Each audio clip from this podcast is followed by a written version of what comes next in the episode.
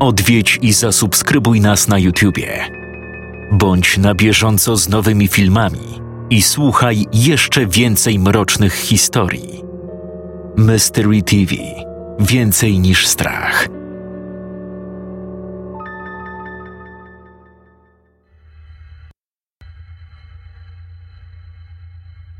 Odkąd tylko pamiętam, uwielbiałem zwiedzać przeróżne stare, opuszczone miejsca. Mają one swój specyficzny, tajemniczy, lekko niepokojący klimat. Chodzenie w środku nocy z latarką w ręku i zwiedzanie zdezelowanych, starych konstrukcji może się niektórym wydawać dziwne. Ja natomiast czerpię z tego niesamowitą satysfakcję, kiedy to mogę zastanowić się nad historią odwiedzanego przeze mnie miejsca, czemu towarzyszy jeszcze upragniona dawka adrenaliny związana z nieuzasadnionym niepokojem. Dlatego też bardzo podekscytowało mnie, kiedy jeden z moich znajomych polecił mi pewne ogłoszenie o pracy, na które niedawno przypadkowo natrafił, przeglądając internet. Poszukiwano kogoś na posadę stróża nocnego w opuszczonym parku rozrywki. Miejsce pracy znajdowało się ponad 100 kilometrów od mojego aktualnego miejsca zamieszkania, w okolicy miasteczka Safford – Pracodawca oferował jednak zakwaterowanie oraz horrendalnie dużą wypłatę w wysokości 100 dolarów za noc. Nie miałem w tamtym momencie stałej ani dobrze płatnej pracy, dlatego też bez wahania się zgodziłem. Mojego niepokoju nie wzbudziła nawet dziwnie wysoka stawka jak na ten rodzaj pracy.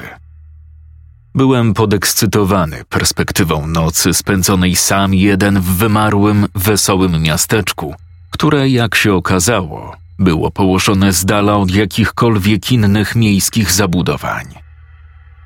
Szybko skontaktowałem się z pracodawcą, który nakazał mi zjawić się pod wskazanym adresem w środę o godzinie 21.30.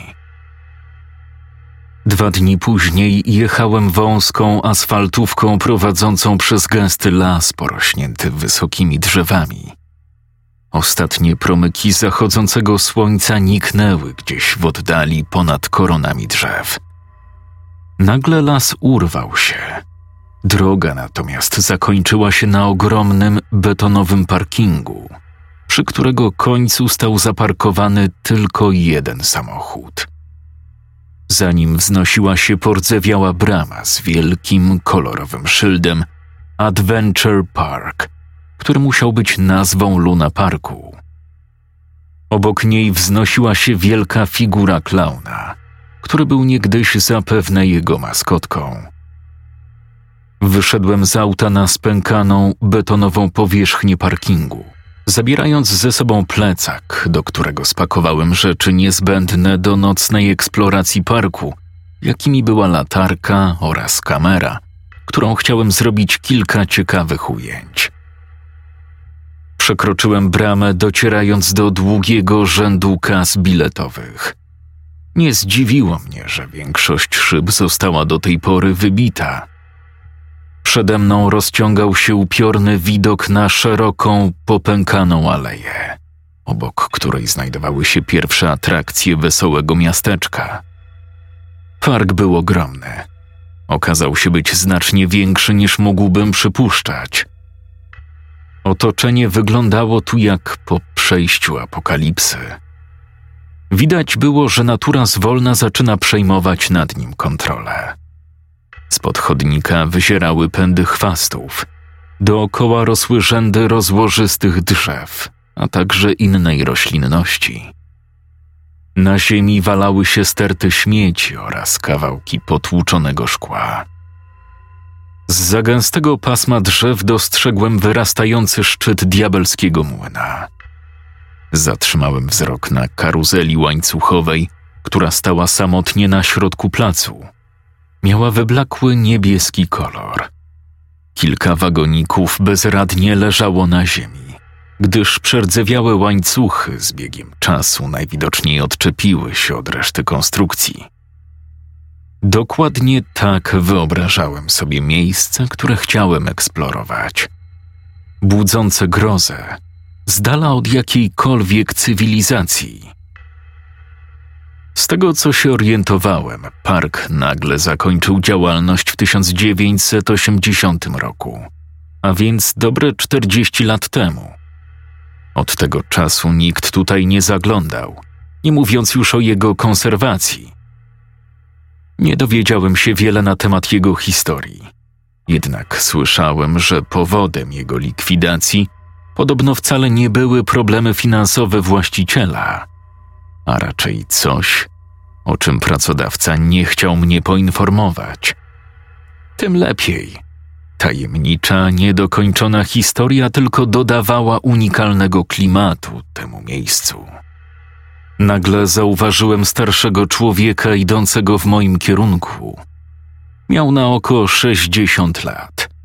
Miał rzadkie, siwe włosy, a jego twarz pokrywał gęsty zarost. Witaj. Ty pewnie w sprawie ogłoszenia o pracę. Dokładnie.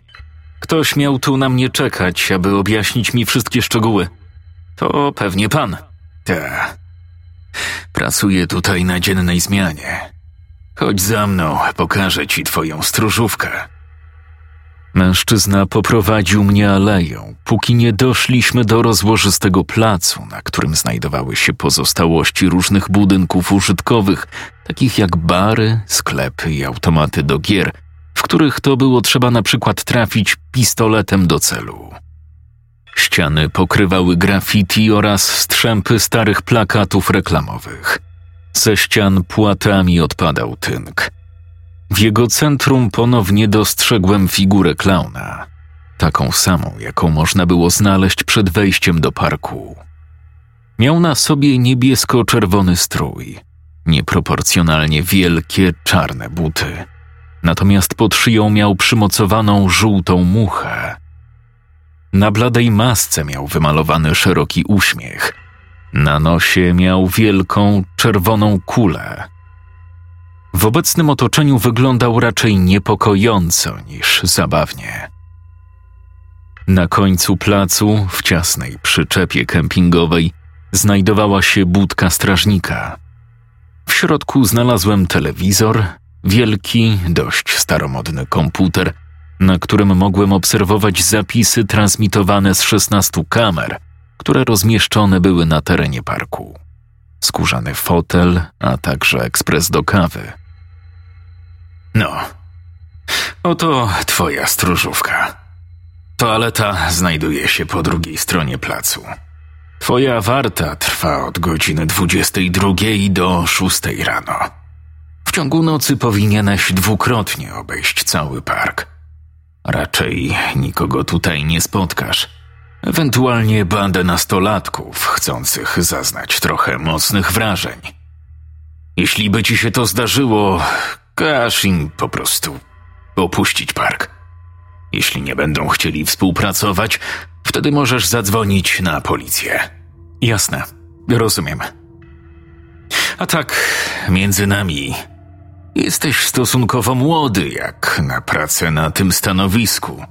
Zazwyczaj przychodzą do nas starsze osoby, które po prostu poszukują prostej pracy z minimalnym zarobkiem, którym, wiesz, nie przeszkadza posiedzieć połowy dnia na kanapie, spędzając czas na nierobieniu niczego. Jeśli mógłbym spytać, co skłoniło cię do tej pracy? Yy, lubię eksplorować różne takie opuszczone obiekty w środku nocy. Daje mi to taki przyjemny zastrzyk adrenaliny i niepewności. Nie mogłem sobie wymarzyć ku temu lepszego miejsca niż to. Wie pan może skąd wzięła się tutaj tak wysoka pensja? Wysoka? ja otrzymuję dwadzieścia dolców za noc. Nie mam pojęcia o pańskiej wypłacie. Może dostaniesz trochę więcej w związku z pracą na nocnej zmianie. Trochę? Przecież zarabiam pięć razy więcej od niego. Nie miałem jednak ochoty wdawać się z nim w dyskusję na ten temat, więc tylko przytaknąłem.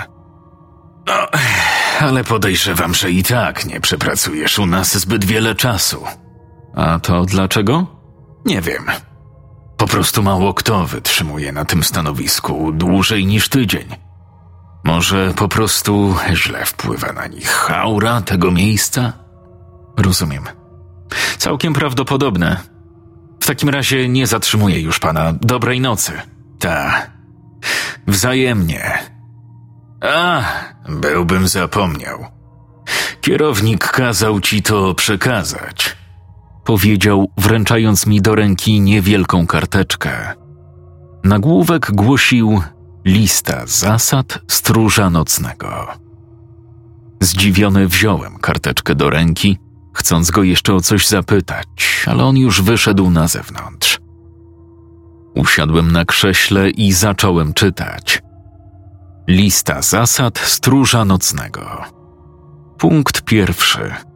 W ciągu nocy dwukrotnie o godzinie 23 i 2 w nocy obejdź teren parku.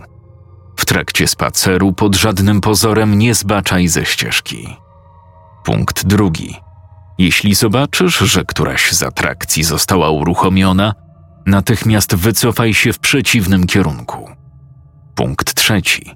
Cokolwiek by się działo, nie opuszczaj stróżówki w godzinach między północą a północą trzydzieści, a także między trzecią a trzecią trzydzieści. Punkt czwarty. Jeśli usłyszysz dochodzącą skądś muzykę wesołego miasteczka, po prostu to zignoruj. Punkt piąty. Gdy zobaczysz postać chodzącą po alejach parku rozrywki, przerwij obchód i najszybciej, jak tylko możesz, wróć z powrotem do budki stróża. Po przeczytaniu notatki wybuchnąłem szczerym śmiechem. Właściciel miał ewidentnie duże poczucie humoru. Potrafił jednak świetnie rozbudować atmosferę tego miejsca. Pięć zasad stróża nocnego i zero wyjaśnień. To musiał być świetny żart. Już nie mogłem doczekać się nocnej eksploracji parku. Tymczasem rozejrzałem się po pomieszczeniu. Spróbowałem uruchomić telewizor. Niestety aktualnie brakowało zasięgu. Spojrzałem na szafkę pod telewizorem. Leżał tam stos starych gazet oraz kilka horrorów. Postanowiłem umilić sobie czas czytaniem dzieła Stephena Kinga. Gdy wybiła godzina 23, wziąłem ze sobą latarkę wraz z kamerą i wyszedłem na zewnątrz.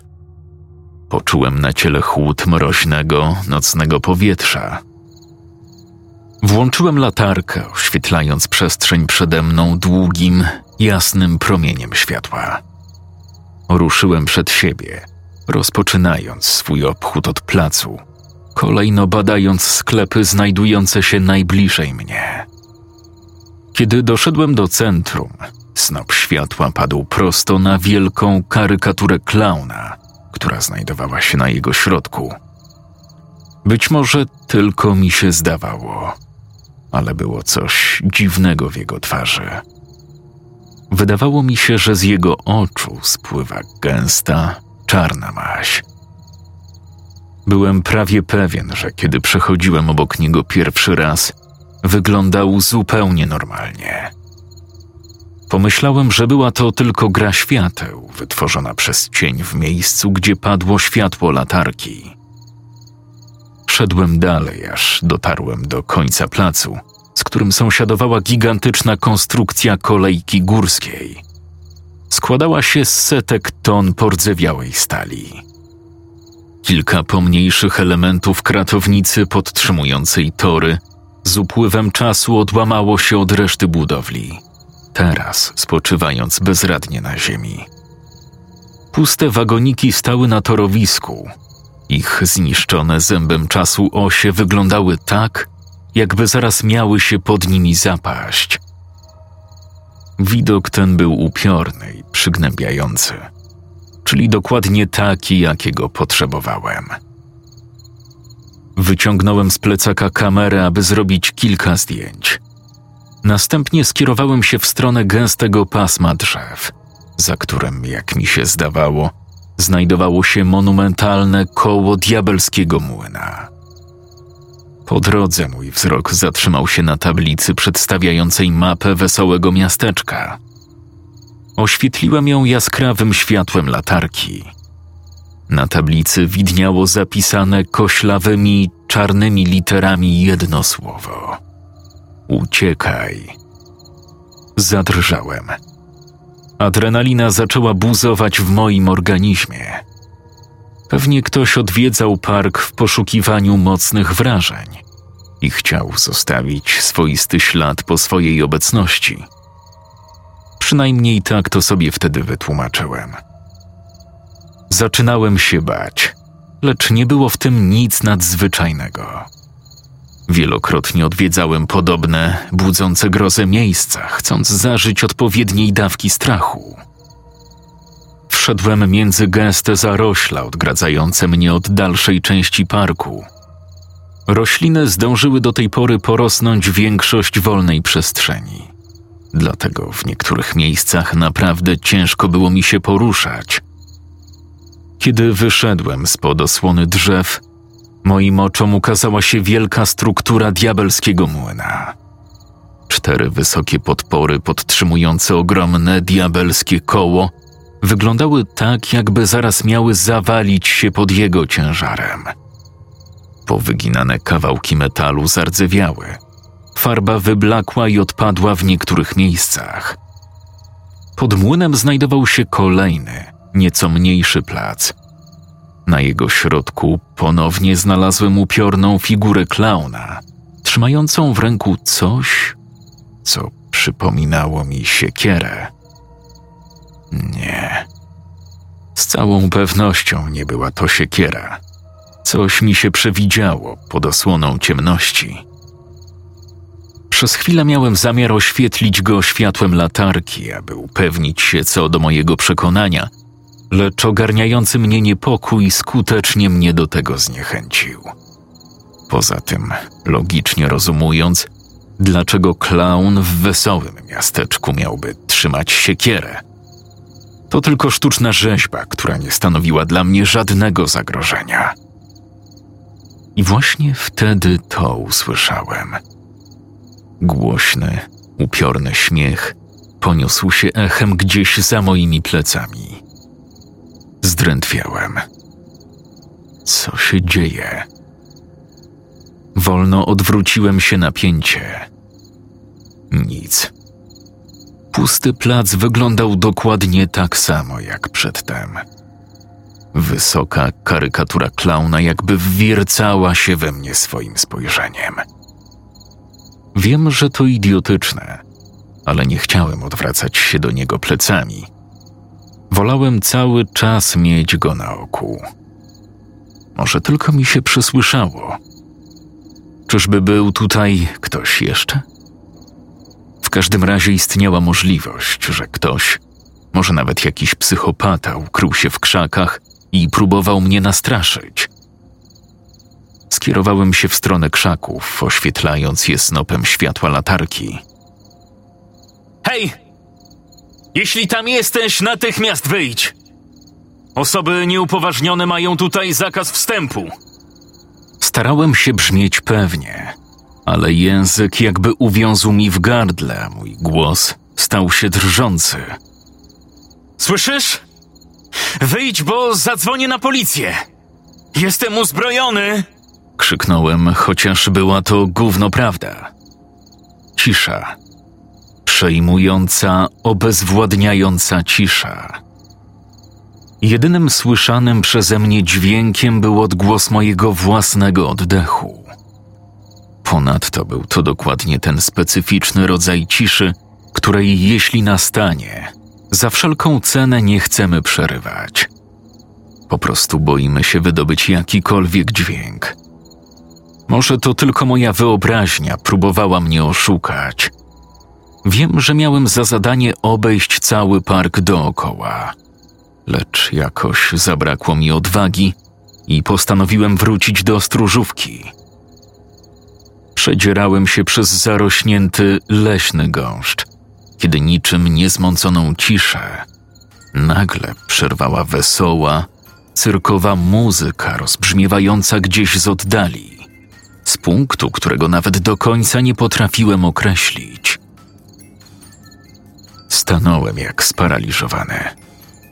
Przypomniała mi się lista zasad otrzymana od pracodawcy. Coś o tym mówiła chyba jedna z zasad. Jeśli usłyszysz dochodzącą skądś muzykę wesołego miasteczka, po prostu to zignoruj. Nie. To przecież nie mogła być prawda. To tylko chory zbieg okoliczności. Na pewno grupka jakichś bachorów wybrała się na noc do tego zrujnowanego parku rozrywki, a teraz robią sobie ze mnie żarty i puszczają tę muzykę z jakiegoś urządzenia. Nie mogłem pozwolić, żeby ktoś się ze mnie nabijał. Ruszyłem za domniemanym źródłem hałasu. Wyszedłem na wielki plac koło kolejki górskiej, aby następnie skręcić w uliczkę w prawo. Wtedy jednak dotarło do mnie, że muzyka dobiegała jakby z zupełnie innego miejsca. Nie miałem pojęcia, w którą stronę miałem się kierować. Zupełnie tak, jakby dochodziła ze wszystkich stron jednocześnie. Spojrzałem na zegarek. Godzina 23.55. Mimo, że wciąż nie wierzyłem liście zasad, pamiętałem, że według niej o północy miałem powrócić do stróżówki. Na wszelki wypadek postanowiłem się jej trzymać. Poza tym, i tak miałem zamiar już wracać. Nagle odechciało mi się dalszej eksploracji parku. Do budki strażnika wróciłem na minutę przed północą. Od razu poczułem się bezpieczniej. Dokładnie wraz z wybiciem północy muzyka przestała grać. Nastała grobowa cisza. Przez chwilę zastanawiałem się, czy nie zadzwonić na policję i nie zgłosić wtargnięcia na teren parku. Teraz jednak, kiedy ponownie wszystko ucichło, sam nie byłem już pewien, czy nie miałem tylko jakichś omamów. Przecież jak to kurwa możliwe, że muzyka nagle zaczęłaby grać w od lat opustoszałym Luna Parku? Według listy zasad następne pół godziny powinienem przeczekać tutaj, w stróżówce. Na wszelki wypadek wolałem mieć tę listę przy sobie, dlatego schowałem kartkę do kieszeni. Do następnego obchodu miałem jeszcze prawie dwie godziny. Początkowo chciałem przejrzeć media społecznościowe co jednak okazało się niemożliwe, ponieważ nie miałem tu internetu. Chyba nie muszę tłumaczyć, dlaczego dalsze czytanie horrorów również nie wchodziło w grę. Z nudów postanowiłem wykorzystać ten czas na przejrzenie starych gazet ułożonych w równy stosik na półce pod telewizorem. Wziąłem pierwszą lepszą pozycję do ręki i zacząłem ją przeglądać. Pierwszym, co rzuciło mi się w oczy, była data 20 stycznia 1980 roku. Pod nią wielki nagłówek zapisany czerwonymi literami, który głosił: Doszło do kolejnego morderstwa w wesołym miasteczku Adventure Park. Wtedy coś sobie uświadomiłem. Czy to nie tak nazywał się park rozrywki, w którym właśnie pełniłem nocną wartę? Czytałem dalej ale z każdym przeczytanym zdaniem rósł we mnie coraz większy niepokój. Rankiem 19 stycznia 1980 roku znaleziono martwe ciało Brendana Davisa, jednego z pracowników parku rozrywki Adventure Park w Stafford. Sekcja zwłok ofiary wskazuje na morderstwo z użyciem ciężkiego przedmiotu, najprawdopodobniej siekiery. Ofiara miała roztrzaskaną czaszkę oraz klatkę piersiową. Oprawca nie pozostawił po sobie śladów odcisków palców. Poszukiwania mordercy trwają. Działalność parku ma zostać wstrzymana na czas nieokreślony. Jest to już trzeci podobny przypadek w jego historii. Po incydentach z roku 1976 i roku 1969. W obu poprzednich przypadkach również dokonano morderstwa, z użyciem ciężkiego, ostrego narzędzia. O postępach w śledztwie będziemy Państwa na bieżąco informować. Poniżej widniało zdjęcie przedstawiające bramę wejściową parku rozrywki. Dokładnie tę samą, przez którą przechodziłem dziś wieczorem, tyle że w znacznie lepszym stanie. Pod nią mogłem dostrzec tłumy ludzi zmierzających w kierunku kas. Artykuł zmroził mi krew w żyłach. Do tej pory niejednokrotnie zwiedzałem już podobne miejsca z równie mroczną historią, dlatego te gazety nie powinny zrobić na mnie tak wielkiego wrażenia. Ale ten przerażający śmiech, a do tego ta dziwna, tak bardzo realistyczna muzyka. Czy to możliwe, że był to tylko chory wymysł mojej fantazji? Nie było mi jednak dane długo się nad tym zastanawiać. Nagle rozległo się pukanie do drzwi przyczepy. Halo? Kto tam? Brak jakiejkolwiek odpowiedzi. Kto mógłby włóczyć się po parku o tej porze? Pukanie stawało się coraz bardziej natarczywe, aż wreszcie przerodziło się w mocne walenie w drzwi. Upewniłem się, czy aby na pewno je zamknąłem na klucz. Spanikowany zacząłem biegać po pomieszczeniu, starając się możliwie najsolidniej zabarykadować drzwi. Coś od drugiej strony zaczęło szarpać za klamkę. Podparłem ją krzesłem, aby nawet za pomocą wytrychu nie mogło dostać się do środka. Początkowo chciałem spojrzeć przez okno, aby dowiedzieć się, kto tak natarczywie się dobija do drzwi. Nie miałem jednak ku temu odwagi. Zasłoniłem wszystkie okna w przyczepie. Wolałem mieć pewność, że to coś mnie teraz nie obserwuje. Bałem się również spojrzeć na transmisję z kamery. Zerknąłem na listę zasad, lecz tym razem w niczym mi to nie pomogło. Autor nie poinformował, co trzeba zrobić w takiej sytuacji, w jakiej aktualnie się znalazłem. Przerażony skuliłem się na podłodze. Drżącą ręką sięgnąłem po telefon.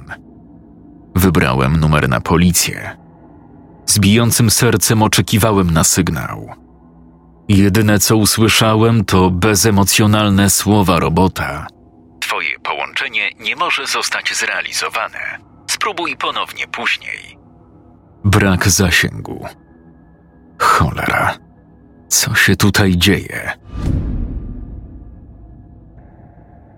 Nagle uderzenie o drzwi zrobiło się jakby cięższe. Coś uderzało w nie jakimś ciężkim i twardym narzędziem. Drzwi zadrżały. Zastanawiało mnie, jak długo będą w stanie się opierać. Naszła mnie wizja psychopaty stojącego teraz za drzwiami z siekierą w dłoniach. Na całe szczęście nie próbował jeszcze rozbić szyby. Czekałem w napięciu, modląc się, aby drzwi nie ustąpiły. W pewnej chwili, zupełnie nagle, walenie ustało. Spojrzałem na zegarek. W pół do pierwszej. Czy to tylko czysty przypadek? Jeszcze raz zerknąłem na listę zasad. Punkt trzeci. Cokolwiek by się nie działo, nie opuszczaj stróżówki w godzinach między północą a północą trzydzieści i między trzecią a trzecią trzydzieści. O co tu do cholery chodzi? Czyżby ktoś robił sobie ze mnie żarty?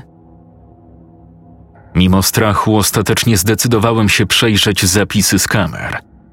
Spojrzałem na tę umieszczoną naprzeciwko stróżówki – do północy nie działo się nic niepokojącego. O północy obraz z kamery zamienił się w zakłócenia w postaci białego szumu. Punktualnie o wpół do pierwszej wszystko wróciło do normy. Następną godzinę spędziłem na gapieniu się w monitor transmitujący obrazy z kamer na terenie parku. Wszędzie panował względny spokój – Żadnego śladu psychopaty biegającego z siekierą w ręku. Nie wiedziałem, co mam o tym wszystkim myśleć. Ten, kto próbował włamać się do przyczepy, z całą pewnością zdążył już odjechać. Sądząc po obrazie z kamery, na parkingu wciąż stał tylko jeden samochód. Zaczynałem się już uspokajać, kiedy moją uwagę zwrócił szum dochodzący z telewizora. Nie włączałem go przedtem. Byłem tego absolutnie pewien. Początkowo widoczne były wyłącznie zakłócenia, które jednak po chwili zmaterializowały się w wyraźny obraz. Cały monitor wypełniła kredowo biała maska klauna. Niepokojąco bardzo przypominała mi twarz figury będącej maskotką parku rozrywki. Ten jednak miał nienaturalnie szeroki uśmiech, natomiast z jego oczu sączyła się ciemna substancja, wyglądająca jak ropa zmieszana z krwią. Patrzył wprost na mnie swoimi wielkimi, przekrwionymi oczami. Chociaż teoretycznie było to niemożliwe. Zdawało mi się, że wodzi za mną wzrokiem z drugiej strony ekranu. Zupełnie tak, jakby jakimś cudem on także był w stanie mnie zobaczyć. Wskazał na mnie grubym palcem odzianym w białą rękawicę, którym następnie przeciągnął po swojej krtani. Potem usłyszałem głośny śmiech dochodzący z głośników telewizora. Jak najszybciej podbiegłem do urządzenia i wyszarpnąłem wtyczkę z gniazdka. Obraz zgasł. Ciężko dysząc, opadłem na podłogę. W głowie cały czas miałem obraz klauna wpatrzonego we mnie tymi wielkimi, zalanymi ropą oczami. Czułem się jak bohater jakiegoś taniego horroru. Czy to tylko przypadek? Może niechcący włączyłem telewizor. Może był akurat ustawiony na kanale, na którym leciał jakiś horror? Z pewnością tylko mi się wydawało, że maska klauna była tą samą, co noszona przez maskotkę tego wesołego miasteczka. Przecież maski klaunów często są do siebie podobne, prawda? Niby jak ktokolwiek mógłby włamać się na antenę i wyświetlać z niej własne produkcje. Na pewno można to było jakoś racjonalnie wytłumaczyć. Jednak coś tu było ewidentnie nie tak i nie miałem ku temu żadnych wątpliwości. Za dużo zbiegów okoliczności, jak na jedną noc. Zwolna zbliżała się godzina mojej drugiej warty. Mimo, że wszystko wskazywało na to, że mój niedoszły napastnik zdążył się już oddalić, po tym, co zdarzyło się godzinę temu, nie rwałem się teraz do opuszczenia bezpiecznej stróżówki. Jednak to właśnie za patrolowanie obiektu w środku nocy mi płacono. Chcąc, nie chcąc, zmuszony byłem wykonać powierzone mi zadanie. Właściciel miał dostęp do nagrań ze wszystkich kamer na terenie parku. Mógłby mnie skontrolować, gdyby tylko chciał. Wiedziałem, że jeśli nie wypełnię swojej warty, grozi mi zwolnienie. Dość długo zwlekałem z wyjściem na zewnątrz, a kiedy wreszcie rozpocząłem swój obchód, miałem już 15 minut spóźnienia. Musiałem się streszczać, jeśli chciałem wrócić do budki stróża przed trzecią. Ruszyłem szybkim krokiem w kierunku placu. Następnie skręciłem w prawą aleję. Szedłem naprzód, oświetlając sobie drogę latarką. Po około 200 metrach teren zaczął stromo opadać w dół. Następnie chodnik prowadził po stromym zboczu, na końcu którego mieścił się kolejny, kamienny plac. W jego centrum znajdowała się duża karuzela stylizowana na kształt ośmiornicy. Jej ruchome ramiona były podnoszone w górę i w dół. Na ich końcach znajdowały się gondole dla pasażerów. Na niej także były widoczne ślady długoletniej korozji. Część dekoracji została rozbita przez wandali. Dalej ścieżka niknęła pod wysokimi drzewami lasu, którymi teren zdążył zarosnąć przez ostatnie kilkadziesiąt lat. Wszedłem pomiędzy drzewa, spoglądając na wyłączone z użytku latarnie, które w przeszłości oświetlały drogę. Jedną z nich znalazłem przewróconą na ziemi, leżącą w gąszczu wysokiej trawy porastającej chodnik po bokach. Nagle do moich uszu ponownie dobiegł dźwięk melodii wesołego miasteczka. Tym razem jednak był zdecydowanie bliższy niż ostatnio. Dochodził gdzieś za moich pleców. Odwróciłem się. Za osłoną drzew iskrzyły kolorowe światła karuzeli w kształcie ośmiornicy. Biegiem dotarłem z powrotem w tamto miejsce. Nagle cała atrakcja zaczęła się obracać. Wagoniki dla pasażerów poszybowały w górę. Stałem tam przez chwilę, wpatrując się w karuzelę z szeroko otwartymi ustami. Jak to możliwe, że karuzela wciąż działa? Przecież dopływ prądu przerwano tutaj wiele lat temu. A co ważniejsze, kto i jak ją uruchomił? Nic tu nie miało sensu. Halo? Czy ktoś tu jest? Odpowiedziała mi jedynie dobiegająca z niewidocznego głośnika wesoła dziecięca piosenka. Upiorne było słyszeć ją w pogrążonym w mroku, opustoszałym parku rozrywki. Obiegłem karuzelę dookoła, mając nadzieję, że uda mi się zlokalizować włamywacza. Wtedy przypomniała mi się druga zasada. Jeśli zobaczysz, że któraś z atrakcji została uruchomiona, natychmiast wycofaj się w przeciwnym kierunku. Złamałem jedną z zasad. Spojrzałem na zegarek. Godzina trzecia zero trzy. Nie mogłem uwierzyć, jakim cudem czas tak szybko minął. Wydawało mi się, że stróżówkę opuściłem co najwyżej piętnaście minut temu. Według list zasad miałem wrócić do budki stróża przed wybiciem trzeciej w nocy. Adresat nie informował, jakie konsekwencje mogą czekać mnie w takim wypadku. Nie musiał. Domyśliłem się, że konsekwencja łamania zasad mogła być tylko jedna śmierć. Wolno, ostrożnie stawiając każdy krok, zacząłem wycofywać się w kierunku głównej ścieżki. I wtedy go zobaczyłem. Szedł wolnym krokiem od strony lasu. Był ubrany w czerwono-niebieski kostium z białą maską nałożoną na twarz. Z jego oczu wylewała się gęsta, ciemna substancja. W ręku trzymał ciężką siekierę. Maska wydawała się rozciągać w nienaturalnie szerokim uśmiechu. Dzieliła mnie od niego około pięćdziesięciometrowa odległość. Przez moment stałem sparaliżowany strachem. Nogi odmówiły mi posłuszeństwa. Nagle wystrzeliłem naprzód, rzucając się w szaleńczym biegu w drogę powrotną. Pchany adrenaliną biegłem tak szybko, jak chyba jeszcze nigdy w życiu. Początkowo planowałem pobiec wprost do mojego auta, lecz przypomniałem sobie, że kluczyki zostawiłem w stróżówce. Bieg na oślep przez las miał dość marne szanse powodzenia. Musiałem zabarykadować się w przyczepie. Kiedy wdrapałem się na szczyt wzniesienia, zerknąłem za plecy. Gonił mnie.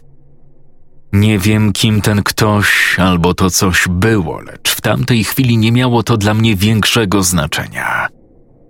Mimo mojego szaleńczego tempa zbliżało się. Jedyne, co mnie teraz obchodziło, to to, aby znaleźć się jak najdalej stąd. Stawką było moje własne życie. Na skrzyżowaniu skręciłem w lewo. Następnie przebiegłem przez plac po czym z impetem wbiegłem do stróżówki i zatrzasnąłem za sobą drzwi. Zabarykadowałem je wszystkimi meblami, jakie tylko miałem do dyspozycji. Zgasiłem także światło, aby nie zwracać na siebie uwagi. Zastygłem w oczekiwaniu. Nastała cisza. Czekałem. Minuty dłużyły się w nieskończoność. Z letargu wyrwał mnie dopiero głośny śmiech dochodzący z zewnątrz. Po chwili dołączyło do niego pukanie, które zamieniło się w drapanie. Powolne, przeciągłe drapanie. Wiem, że gdyby to coś chciało, wyważyłoby wejście kilkoma uderzeniami siekiery. Jednak nie spieszyło się. Wiedziało, że ma całą noc.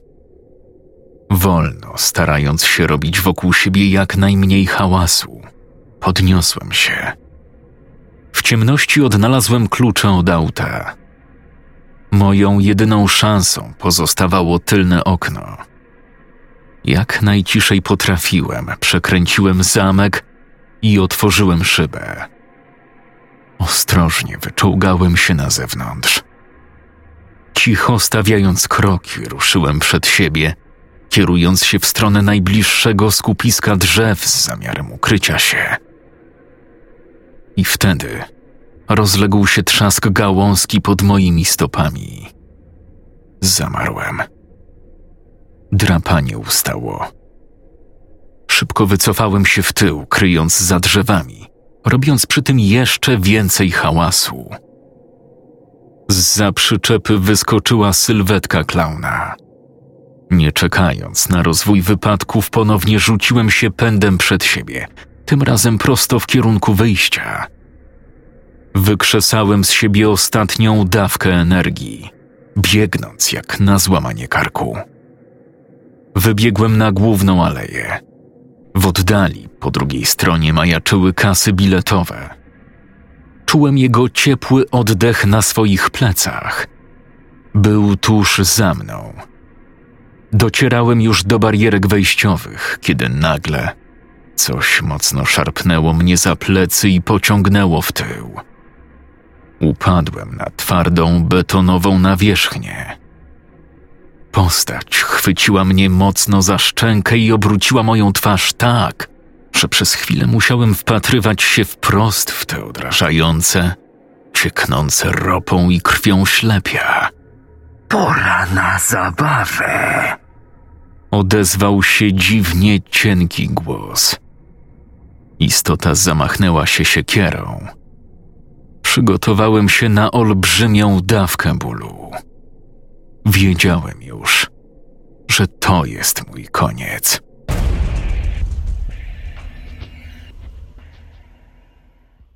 Scenariusz Borys Bielecki.